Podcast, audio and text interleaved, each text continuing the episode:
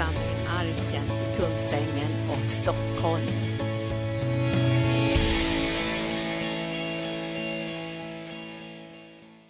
Ja, vi välkomnar det helige Ande att uh, göra ordet levande, väcka tro i våra hjärtan så att våra liv kan bli styrda av det som vi tror därför att vi har hört vad du har sagt. Vi prisar dig Herre för det levande ordet och det verksamma ordet som just gör allting nytt. Och vi ställer oss till ditt förfogande för att göra din vilja och förhärliga ditt namn. I Jesu namn och församlingen sa. Varsågoda och sitt. Tack lovsångare. Ja, eh, ibland är det ett under bara att komma upp till predikstolen. man, får, man får ligga, nästan bedja och sätta tro till att man ska dyka upp där någon gång. ja, oerhört bra, jag är helt gripen. Ja, vi ska gå till Matteus eh, evangelium och eh, kapitel 22. Ja, jag tänkte så här lite grann bara så här. Det är ju inte alltså oväsentligt att man lär känna Gud. Och man ska lära känna Gud så som han har uppenbarat sig i Jesus Kristus. Det är för att om man inte, om man inte lär känna Gud på det sättet så, eh, så blir man förvirrad. Och eh, vågar ingenting och kan ingenting och törs ingenting och vet inte var man ska gå och, och, och allting sådär. Och sen blir man också ganska rädd för allt möjligt. Jag vill säga att eh, vi är inte kallade att vara rädda. Vi är kallade att vara frimodiga. Vi är kallade att tro på Guds möjligheter i alla situationer, även när det ser omöjligt ut, förstås. Eh, det är ju sånt där som ingår i, i uppdraget. Så utan fruktan ska vi tjäna Gud i alla våra livsdagar. Hur reagerar en människa som är utan fruktan? Ja, den tänker inte ut alla svårigheter så fort den får höra om någonting. Så fort den får höra om en situation, får höra om en händelse, får höra om någonting som, som eh, liksom eh, håller på att ske någonstans, då tänker man inte ut hur ska jag tänka ut någonting som förvärrar den här situationen. Hur ska jag kunna komma på någonting som gör det här mycket svårare än vad det verkar just nu? Men vänta bara, det kommer gå åt skogen alltsammans. Och så här. Eh, hur får man för sig sådana saker när man tillhör ett folk som utan fruktan ska tjäna Gud i alla sina livsdagar? Var får man allt ifrån? Fel källa. Alltså. Så därför så vill jag säga till det här, eh, när man har att göra med Gud, då är, det, då är han, han är överraskande på det sätt som han är. Det vill säga, det som han, som han vet att du behöver, det har han redan förberett och nu liksom försöker han locka dig att komma in och göra anspråk på det som du behöver. Därför att han redan har förberett det och det ligger där och bara väntar på dig. Och efter så tänker vi inte på det, utan vi tänker liksom bakvänt. Som att det, bara för att vi inte ser det tror vi inte att det finns. Bara för att vi ser en massa andra saker och tittar så att säga, åt fel håll så, så tror vi liksom att det är det enda som är verkligheten. Men det är, så det är inte fallet. Så här, här, här är det nu en kung som ska fira bröllop och jag ska ta liksom bara en liten snutt ur den där eh, berättelsen här först. Det står så här att eh, det är en liknelse om, eh, om konungasonens bröllop. Jesus eh, talade en, en gång till dem i liknelser. Himmelriket är likt en kung som höll bröllop för sin son.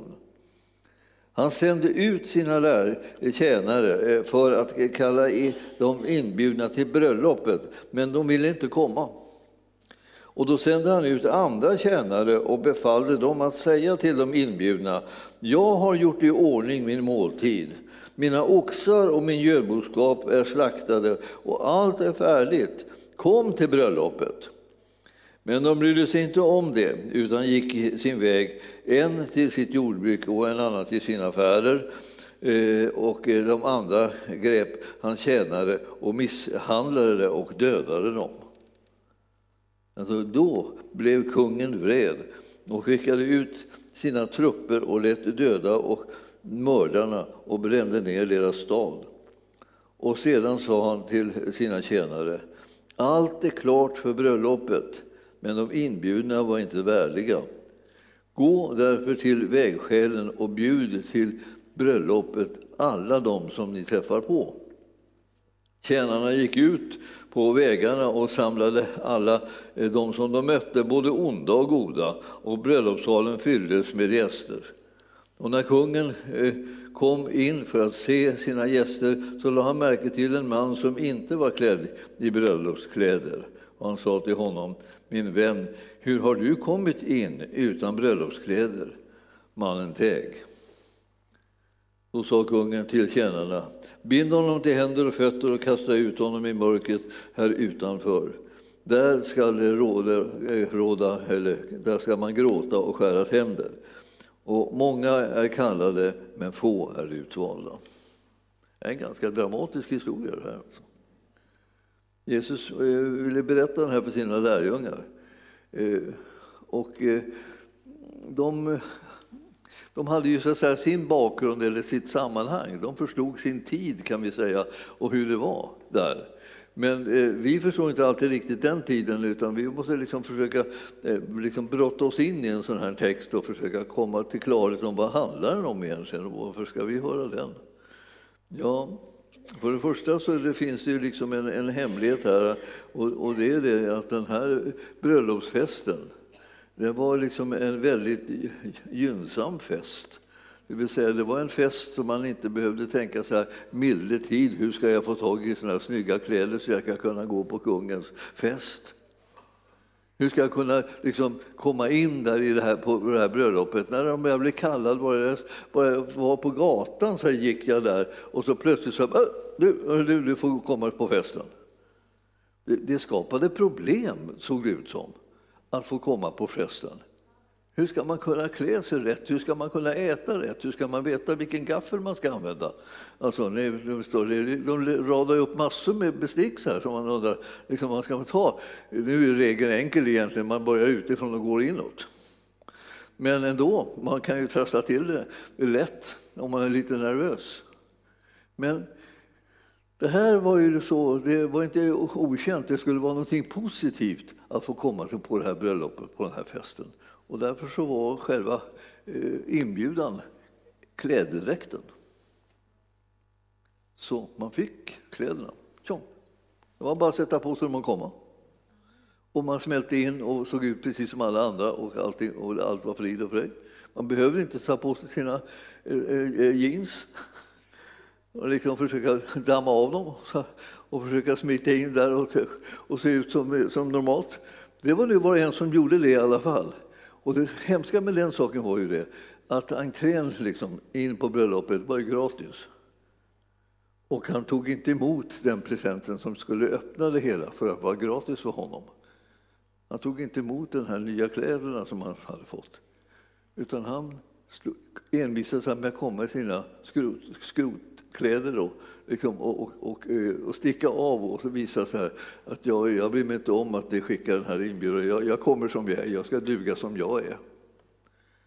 Men det finns ingen som duger som den är, hur tjusigt det än låter ibland. Utan man duger så som Herren har gjort den. Och om man sätter tro till den gåvan som han har gett den av ett liv, förvandlat liv så kommer man in överallt. Och det här gör att det liksom, när man tittar på den här texten så tänker lite på den så tänker man så vilket jobbigt, jobbigt läge. Så här. Herren säger eh, alltså, nu har jag gjort ordning allt till min måltid. Kom! Men de vill inte komma. Alltså, det var gratis, men de ville inte komma. Han hade redan gjort det färdigt. Det var redan dukat, maten var redan där, allt var ordningställt. De ville inte komma. Vad, vad, vad, är det som gör att man inte vill komma när, när man får alltihopa gratis? Jo, det är det att man tror inte på det. Eh, eh, många människor när de liksom får höra någonting som är gratis eller som är, liksom är, är möjligt eller som är löst eller så här, och man tänker nej, så kan det inte vara. Nej, det kommer aldrig gå. Nej, det blir svårigheter i mängder. Det blir liksom absolut stora hinder. Och så här. Nej, det där klarar inte jag. Nej, det klarar ingen annan heller. Jag tror aldrig det kommer att gå. Och så håller man på så här. Tjata, tjata, tjata, tjata. Liksom. Otro liksom hela tiden istället för tro. När man har chans, när man får höra ett ord ifrån Gud, så har man chans att gripa tag i det i tro. Och löftet som det här ordet innehåller, den sanning som är där, den kommer att föra den här verkligheten in i ditt liv. Just när du hör den ser du inte att det är, att det är sant eller att det är full, eh, fullbordat. Men när du, när du lyssnar ett tag på det där ordet så väcker det den tron som gör att du kan ta emot det som är, verkar helt omöjligt. Herren kommer att tala till dig och mig därför att vi ska tänka på någonting annat än det som är vår begränsning. Herren håller på att tala till oss för att vi ska tänka på det som är möjligt för honom och inte bara det som är omöjligt för oss. Det är hopplöst jobbigt när vi tänker bara omöjliga tankar, när vi ska kunna tänka möjliga tankar. Sådana möjliga tankar som räknar med Gud, hans väldiga kraft, hans väldiga styrka hans väldiga möjligheter. Herren vill ju väcka tro som gör, som gör att vi kan resa på oss och förflytta berg om det skulle behövas. Kan det här gå? Kommer det här att fungera? Det måste man ju fråga sig då och då. Ja, vem räknar du med? kan man ju fråga. Om du inte räknar med Gud, ja, då kan jag tala om för dig, det kommer inte att gå. Men om du räknar med Gud, ja men då kommer det gå. Därför för honom är ingenting omöjligt. Och därför så när du, när du kommer för bli, blir du bjuden till ett bröllop som du överhuvudtaget aldrig, absolut inte var förtjänt. Du fanns, du fanns inte på en enda lista. Alltså ingenting. Det var ju som att gå till en restaurang. Man, sån Nu för tiden är det svårt att komma in på restauranger om man är, om man är lite, över, lite över ålder så här. För då liksom blir man inte dekorativ längre i restaurangen, man blir inte attraktiv. Då vill inte folk komma om liksom det blir en pensionärsträff där istället. Så, så, då, hur kommer man in då? Liksom där? Ja, man, man, kan komma in genom om Herren säger så här, du, eh, eh, gå in på restaurangen. Då säger man, ja, okej, då går jag in. Jag sätter tro till att han banar väg för mig så jag kommer in. Kommer jag in. Men annars, om jag ska bara tänka så här, vad är oddsen för att jag ska komma in? Noll, kan man säga. Så därför så är liksom, i det naturliga är det inte det någonting att tänka på. Men i det övernaturliga så eh, kan man tänka på det snabbt och bara sen gå in. Och plötsligt är det öppet, lika öppet som det var när, när jag tänkte på den här berättelsen för, som, som var om, om den, den brodern som, som hade blivit fängslad i, i Kina den första tiden när Mao eh, tog, tog fast folk. Så sa han en dag till honom bara när han gick där inne i fängelset den här, att idag ska du gå ut ur fängelset. Ja. Han tänkte, vad har, har, har, de liksom, har de tagit bort alla vakterna? Har de, liksom, har de löst upp dörren? Eller vad har de gjort? Alltså, jag bara, vad är det här? Ska jag gå ut idag? Ja, han, han lyssnade igen och så Herren sa, ja, ja, du ska gå ut. Jag säger till dig när du går mot dörren, alltså mot själva porten, ytter, ytterporten, liksom, i det, och eh, så går du där. Då säger jag till dig. Så han väntade och sen plötsligt så säger Herren, nu kan du gå. Då gick han liksom, och där stod vakterna så här och alltihopa och dörren var stängd och alltihop. Och han bara gick mot dörren. Och när han kom liksom fram till den dörren där så svepte den upp. Och han gick ut och utanför så stod en taxi. Och vem kunde ha tro för en taxi just liksom där, då? Och det var inte vilken taxi som helst, utan det var en taxi som sa så här, ja, sätt dig här, jag har fått instruktioner om vart jag ska köra dig, sa, sa, sa taxichauffören. Och då satte han sig i taxin och så körde taxin och, eh, och släppte av honom eh, vid en kyrka. Eh, och, och, och han klev in. Och, och där sa de, åh, kommer du nu? Alltså, de satt inne med en massa information som han inte själv hade. Det enda han hade var utmaningen att tro på det övernaturliga tilltalet därför att han kände Herrens röst i det här laget. Gud var inte okänd. Därför kunde han liksom följa det som eh, instruktionen som Gud gav och han kunde få tag i det som Gud hade förberett och inte bara liksom få tag i det som verkade troligt. För det verkade absolut otroligt att man skulle kunna bara gå ut därifrån. Han har ju suttit där en längre tid av sitt liv liksom, i den här fångenskapen.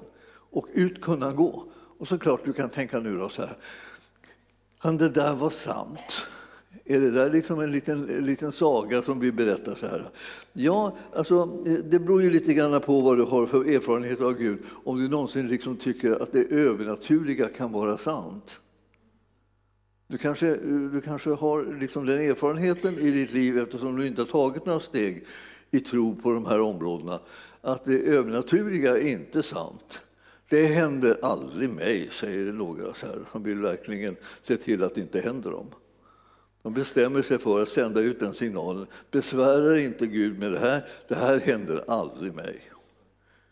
Men så kan man också tänka sig det här, det här ska hända mig. Och, och, jag ska lära känna min Gud så att jag känner igen hans röst så att jag vågar ta trosteg tillsammans med honom och få det som han har utlovat och förberett. Det ligger liksom färdigt där. Det går att gå in och ta emot det i tro och så erfara hur undret sker. Det är inte så att det är förbjudet med under bland kristna. Så om du får höra talas om ett under så måste du absolut avstå ifrån det. Utan det är tvärtom. Att om du hör talas om ett under, sätt tro till det. Och tacka Gud för det och ta emot det och handla på det på det sättet som han vill. Nu tänker du så här, ja, ja, om jag kommer i sådana där fantastiska situationer, och märkvärdig situation så, där, så, ska jag, så ska jag ta det här, ta vara på det och då ska jag sätta tro till det. Men så visar det sig plötsligt att han kommer att eh, föra in det här i din vardag. Alltså i den vanligt, ditt vanliga liv. Plötsligt så ska han föra in dig i det och så kommer han att göra, utmana dig att våga tro att det som du tycker att du förstår att det inte kommer att gå, det kommer att gå. Det, det värsta med oss är det här när vi är bestämda på vad som inte fungerar. Det är sånt som är omöjligt. Vi vet att det är omöjligt. Så här, sånt här händer bara inte. Absolut inte. Det har aldrig hänt mig. Det har inte hänt någon som jag känner. och så där kan Man hålla på Man kan hålla på och argumentera mot under så till en milda grad. Sen till slut så är det verkligen så att det finns inte ett uns av tro kvar hos en. Och man går miste om hela saken. Men du ska hålla med Gud. Och så ska du lära känna Guds röst. För att annars är du ganska ställd i de här lägena. Vi måste höra Guds röst och känna igen den. Säg inte emot Gud. Håll med honom. Absolut det bästa råd du kan få. Men jag hör hela tiden att det, det, blir andra röster så när man, när man kommer in på den där under, underdelen. Det vill säga undrens del. Underdelen var inte riktigt bra. Det, men det här stod det alltså att Herren säger att nu ska du komma, säger han, för att jag har, jag har eh, förberett måltiden, det är färdigt. och jag hade tänkt att du ska komma och äta den. Om du, inte, om du inte tror på det så kommer du inte. Men tror du på det så kommer du.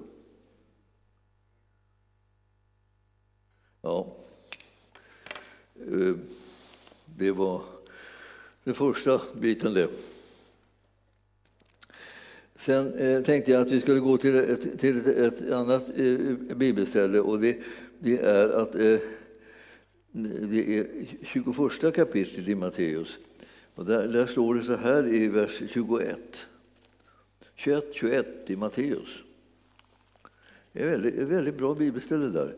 Det, det, skulle man kunna ha mycket nytta av i livet. Och det står så här att Jesus svarade dem som Eh, som frågade om det här fikonträdet som, som hade vissnat plötsligt. Så svarade Jesus dem som hade ställt frågan hur det här kunde ske. Då. Ja, amen säger jag er, att om ni tror och inte tvivlar så ska ni kunna eh, göra det som jag gjorde med fikonträdet. Ni ska kunna säga till detta berg, lyft dig och kasta dig i havet och det ska ske. Att vi, jag vill säga det, kom ihåg, liksom kom ihåg att det här som vi nu har samlats i, det är, det, det är Guds församling. Det är Kristi kropp som har samlats. Kan det ske någonting där som är, som är så starkt att det kommer att kunna röja undan alla, alla hinder? Kan det genom Guds församling bli så att säga, förändring på omständigheterna så att de omständigheter som verkade fullkomligt låsta blir lösta? Eller sitter vi här bara och låtsas någonting? Att det, vi, att det finns kraft, men vågar egentligen inte tro det på allvar och handlar inte på det. Jag, jag, jag vill säga så här, det är så, jag, jag, jag gillar det här därför att det, när man sen kommer ner i vers 22 så klarnar det lite grann. Så står det så här att allt vad ni ber om i er bön ska ni få när ni tror. Det är inte dumt att liksom få tro. Och tron kommer av predikan och predikan i kraft av Kristi ord. Så när du får höra Kristi ord, då, då, då ska du bereda dig på att tron ska växa sig stark i dig. Och sen kommer du kunna be i tro om det som du behöver och Herren har utlovat. Och så kommer du ta emot det och då blir det liksom din arvedel. Du märker att det här är alltså det som Herren svarar på din bön. Han svarar så som han har lovat. Ja. Och jag har säkert många gånger sagt till er, alltså, ni, för, ni förstår det här med, med bönen, alltså, att det här med bön är inte något sätt som Gud håller på och retar folk med. Så här, be på det, för, försök bara, be på ni bara, så här, så här, får, får, får, får ni se om det blir någonting. Så är det inte alls, utan Gud ger löften om bönesvar. Och när du tar fara på de löftena, då kommer du kunna se hur det blir så som han har lovat. Eh, vi har, vi, vi har en Gud som eh, talar sanning med oss. Vi har en Gud som väcker tro i våra hjärtan så att vi inte behöver sitta där liksom och försöka bara chansa, chansa, chansa. Bön är en chansning. Det är inte alls någon chansning. Bön är någonting som är framgångsrikt när man tror på det som man ber om. Därför att Gud har gett löftet, förstås. Vad är, det som skulle, vad är det som skulle kunna hindra att det blir så som du ber om när du ber om ett löfte? Ja, det är bara det här om du liksom släpper det och, och inte tror på bönesvaret. Från Guds sida så säger han, jag har redan förberett det här svaret, det ligger och väntar på dig. Ska du ta det? Eller ska du släppa det bara och tänka, det sker inga under. Det blir ingenting sådär. Det är, det är overkligt, det är omöjligt. Det är alldeles för många hinder. Ett berg brukar ju vara ett hinder. Om man ska fram där så brukar det kunna kosta på om man, om man har ett berg framför sig. Men om man har liksom tron för att man ska kunna förflytta berg så kommer det liksom i en annan dager. Det är inte så att, det liksom att man upptäcker att här ligger ett berg och då betyder det, det är en signal från himlen, ge upp. Lägg ner, sluta. Liksom. Tro inte att du kommer igenom, tro inte att du klarar upp det, tro inte att du kommer liksom, att, att bemästra situationen. Utan i det här Herren vill att du ska, du ska komma med en kraft eh, eh genom att du förlöser din tro på det som Gud har lovat dig. Jag, jag, jag gillar det här för att det, för att det är så, det är så liksom, det är otroligt enkelt. Jag, jag, jag märker att, att Gud liksom gör enkla saker med oss. Det är inte så liksom jättekomplicerat. Alltså, allt vad ni ber om i er bön ska ni få. Det förstår ju vem som helst hur det kommer att gå när man ber. Eller hur? Jag menar, det är inte så... Om du nu inte skulle förstå det här, att det, det att det står att här, allt vad ni ber om i er bön ska ni få. Om du inte förstår den raden så här, så vill du ha en förklaring. Varför ska jag tro att, jag, att det ska bli så? Jo, därför att du tror på det. Och varför ska du, hur kan det komma sig att du tror på det? Därför att du har hört att han har sagt det. Du har fått det förkunnat för dig och därför har du fått tro i ditt hjärta. Och därför är du en mottagare och en kandidat för bönesvaret. Det är meningen att du ska vara en sån kandidat. Det är inte så att det var liksom Herren bara, liksom, ja, just det, här, det här var, det var alldeles för svårt för dig. Och det visste, jag visste att det var för svårt, du kommer inte få tag i det på något sätt för du har liksom inte den tron och, och du klarar inte av det. Och så Den här tron kommer jättelätt när man får höra bara eh, att han har lovat det och att det är han som har lovat det. Jag förstår att om vi inte känner honom så, ja, då vet vi inte vad vi har att vänta av honom. Men om vi känner honom så vet vi att han är trofast och håller vad han har lovat. Ja, är det det? Är, är det liksom, är, talar jag med sådana som vet om det här? Eller? Ja, visst vet ni om det? Ni förstår att det förvandlar våra liv när vi vet om det. Så det, här, det här andra är liksom inte, är inte bra. Det är skadligt för oss när vi tror liksom att bön är bara att man chansar. Nu, nu, nu är man så förtvivlat liksom utsatt och, och nu vet man så lite vad man, hur man ska bete sig, så man får väl be då. Nu är det bara Gud kvar, säger en del. Är det bara Gud kvar? Jag tycker liksom att det, det verkar som att du var onödigt mycket kvar. Det vill säga, du står i vägen för det som Herren håller på och gör istället för att du låter Guds vilja bli synlig och trodd. Det är han som hör bön, det är han som gör att det bönesvaret finns där. Det är han som har gett löftena det är, och det är han som kan väcka den här tron som du behöver. Du behöver inte sitta och invända, jag har så svårt att tro, jag har kämpat så mycket. Det, det, det handlar inte om, om dig, det handlar om honom. Han bryr sig inte om att du har svårt att tro, han kan väcka tro i alla fall i dig. Om du lyssnar på honom så kommer han liksom åt dig. Och så plötsligt så känner du så här tid, det här är ju, han lovar det, han lovar det till mig, han, han, han, talar sanning, han håller vad han har lovat, han säger att jag ska be om det, jag, jag kan få det bara jag litar på honom. Inte på mig själv, jag litar på honom. Vi behöver bli en församling som tror på under och bönesvar och som vet att det, vad vi har att vänta av Gud när han lovar någonting. Du förstår att om du nu praktiserar det här in i ditt liv, i vad livssituationer du har. Jag menar, du har säkert någon situation där du skulle behöva ett bönesvar. Har du hittat ett bönelöfte? Har du hittat någonting? Har Herren sagt att han skulle kunna tänka sig att eh, svara ja på det här som du behöver? Ja, jag vet inte om det passar in här och passar in där. Så här. Ja, men fråga då. Och då blir det igen det här, alltså, vågar jag fråga? Fråga, tänk om jag, eh, om jag känner det som om Herren svarar eh, ja eller, eller så känner jag kanske ah, att han vet inte riktigt, jag vet inte vad han ska svara. Eller, eller, eller är det så att svarar nej. Eh, alltså, du förstår att vad vi vet om Gud, det gör att vi avgör om vi kommer bli stående eller om vi faller. Vi behöver lära känna Gud och han har sagt så här ska ni lära göra för att ni ska lära känna Gud. Ni ska lära känna den jag har sänt. Vem är det? Det är Jesus.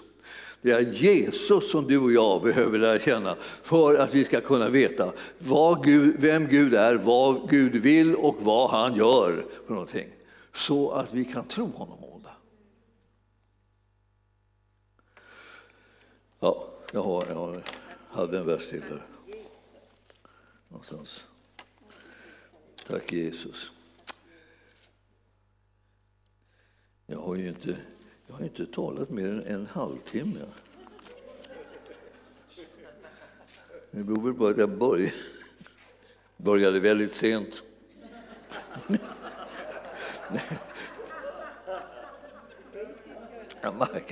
Eh, ska vi, var vi i Markus 9 någon gång? Nej, men då går vi dit. 9.23. Det, Det, det, det, det är egentligen det det är, det är den sista, sista versen. Här. Så att jag, jag håller på att tala lite till er om, om det här med tro. Och eh, i, i Markus 9.23, där, där, där står det det är så väldigt många ställen som handlar om det här med tro, men, men 9.23, ja, och den där versen måste jag ta också. Ja, just det, det kommer en till. 9.23, där står så här. Eh, eh, Jesus sa till honom, om eh, du kan, säger du, Allt förmår den som tror. Amen. Och det är, liksom, det är frågan om det här. Eh, eh, är det, är det, liksom, är det svårt att tro? När tron kommer av predikan och predikan i kraft av Kristi ord. Är det svårt att tro då? Eller vilket, har, vi, har vi bestämt oss för att det är väldigt svårt? Om det vore bara så här att vi, liksom bara, vi bara liksom spände oss lite grann och så nu tror jag, alltså, nu tror jag, så det dånar. Så. Eh, eh, skulle det vara lätt då? Är det, är det lättare att, liksom, att säga att liksom det här med tron den kommer liksom, eh, av en förkunnelse av Kristi ord? Du hör väl Kristi ord förkunnat för dig hela tiden så fort du slår upp din bibel eller du går på ett möte eller, eller du liksom på något sätt liksom kommer inom hörhåll för evangeliet så, så är det ju liksom Kristi ord som har förkunnat för dig. Av dessa Kristi ord så kommer tron att liksom resa sig upp. Och då har du tillgång till bönesvaret. Är det svårt eller lätt? Ja, det beror lite grann på hur pass knepig du är. Om, du, va? Om du är väldigt knepig kan du tycka att det är, oh, oh, oh, så svårt, knepigt, det här var knepigt nu. Eh, så måste jag liksom, kan vi säga, hur ska jag kunna få tag i det här och, och Kristi ord och, det, och eh, ja, ja, jag vet inte hur jag ska göra.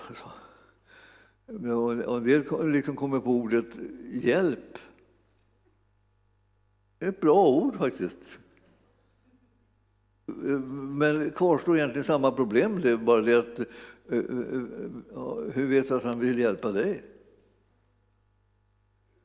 Det kanske står i Kristi ord. Ja.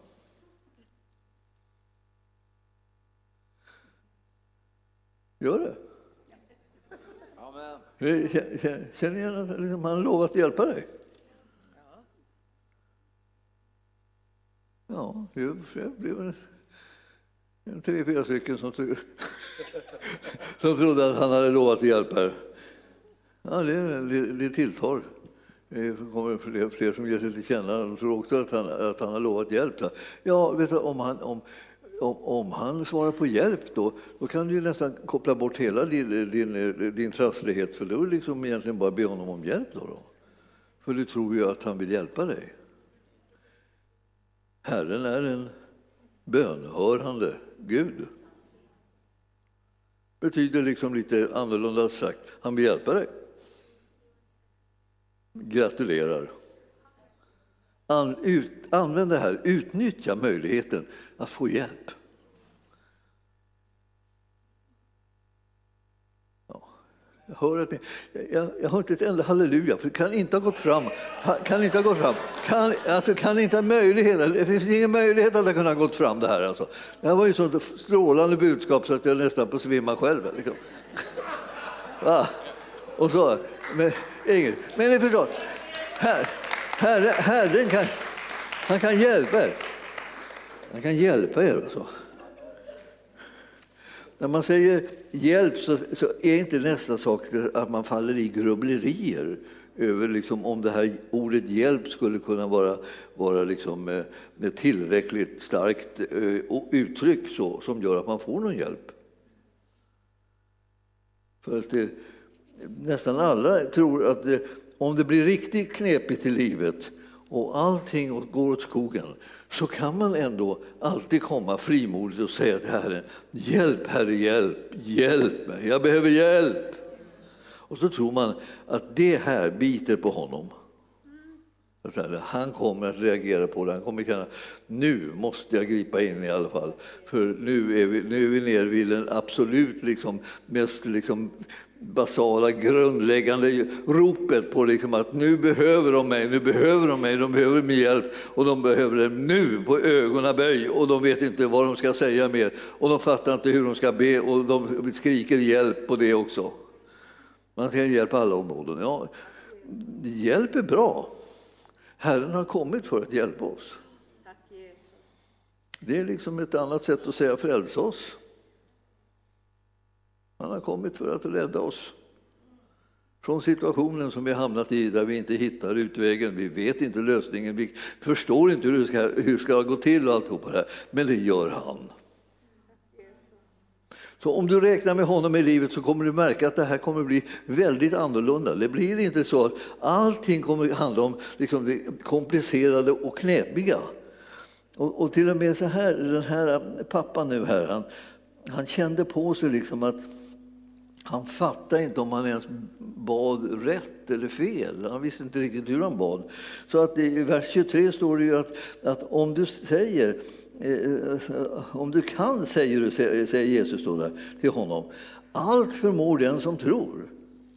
Och genast alltså ropade barnets far, jag tror, hjälp min otro. Och, då, och då kan man kanske vad, vad är det som liksom uppstod för slags kris? Nu kunde han inte skilja mellan själ och ande. För att någonstans i, i hans innersta så kände han det som att eh, han fattar inte det här, hur det här skulle kunna gå. Så då, då, då, då, då, då skrek han Hjälp min otro. Jag förstår inte hur det här ska kunna fungera. Men å andra sidan så hörde han ju liksom vad Jesus sa, allt mår den som tror. Så, och där så kläckte han ur sig utan att tänka sig för, vilket var fördelaktigt. Alltså, jag tror, skrek han då. Men i nästa sekund så kom han på att det kändes inte som han trodde. Och därför så skrek han hjälp min otro. För, så, för själen sa, liksom, sände en annan signal. Nästan alla vi har liksom brottats så här med liksom vad det är när vi, när vi tror. Liksom. Ibland är vi så frimodiga och säger att vi tror så, så att det, det låter nästan som vi tror. Och, och, förmodligen så tror vi. Men samtidigt så känns det på något annat hörn som om vi inte trodde och därför att vi inte förstod hur det här egentligen skulle gå till eller hur det hänger ihop. Och då får man en väldig, väldig dragkamp mellan de här två sakerna. Men det ena rör sig liksom på det andliga tros, trosplanet och det andra rör sig på själsliga planet där, liksom, där, man, där man inte liksom har grepp om situationen därför att den, man får inte in det i skallen. Och, och, jag skulle vilja rekommendera när det gäller det här med bön, låt bli att försöka få in det i skallen. Därför att där löses inte de här sakerna, utan det löses i hjärtat. Det här handlar om hjärtats tro. Det är som en andlig historia. Medan här, det är, det, det, det, ja, det, det ska, låt det vara. Jag menar, du, du, kan använda huvudet till massa andra saker. Jag vet många bra saker man skulle kunna använda huvudet till, det vet jag också. Eh, men, men just att tro med är värdelöst. Alltså, man tror inte bra med huvudet. Nästan alla som försöker tro med huvudet får problem. Eh, eh, ja, och skulle de hålla på och tycka att de lyckas lite grann med det där tro med huvudet eh, så, så, så ska jag tala om för er, liksom, det enda som blir, eh, blir frukten av det är högmod och allmän förvirring.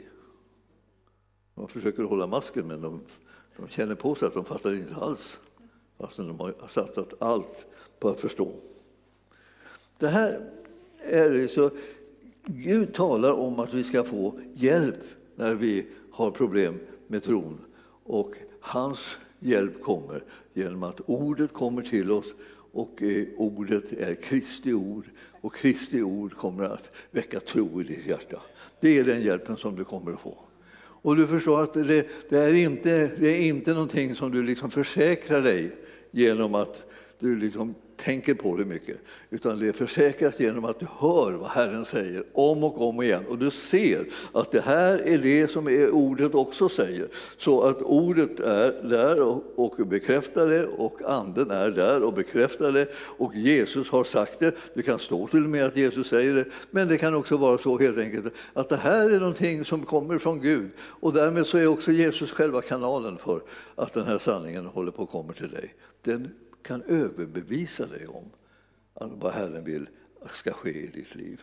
Och ju mer du litar på det liksom, och, och liksom låter han vara garantin istället för dig själv så kommer du få ro också när du kommer till tro. Man kan känna igen det där att när, när tron har liksom landat så får man ro i sitt inre.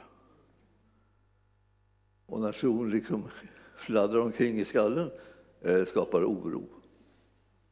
Så oro och ro, det är liksom, det är liksom kännetecknet som man använder sig av. Har det blivit en ro här? Ja, tack Jesus. Tron har kommit på plats. Har det blivit en oro? Jag sitter fortfarande och grubblar och huvudet liksom går varmt. Och jag försöker få grepp om tillvaron den vägen. Det är inte det som är lösningen. Lösningen är det som Herren säger. Ordet kommer och väcker tro i ditt hjärta. Så himmelska Fader, nu ber vi att du ska verkligen tala till oss på ett sådant sätt att vi får del av de orden som väcker tro i hjärtat att det här blir en andlig upplevelse och att den andliga upplevelsen har en frukt som heter ro, som vi känner att vi får vila av och vi får styrka av och där vi inte behöver hela tiden jaga efter olika nya lösningar, nya tankar, nya eh, insikter och så, som för att få säkerhet, utan säkerheten ligger i att vi har ro i hjärtat. Tack Herre för att du håller dina löften. Att du, du säger till oss, det är sanning. Och när du talar till oss så väcker det den här tron som gör att ro inträder. Och, och, och din kraft och din, eh, kommer att vara verksam och eh, omständigheterna kommer att få böja sig. Och din, dina tankar kommer att bryta igenom och uppenbara sanningen så att vi kan bli delaktiga av det underbara som är att det är du som är vår Gud och det du har sagt och lovat det också sker också och blir en verklighet. Tack Jesus för att du är vår Herre och vår frälsare. I Jesu namn och församlingen sa Halleluja. Amen. Tack Jesus.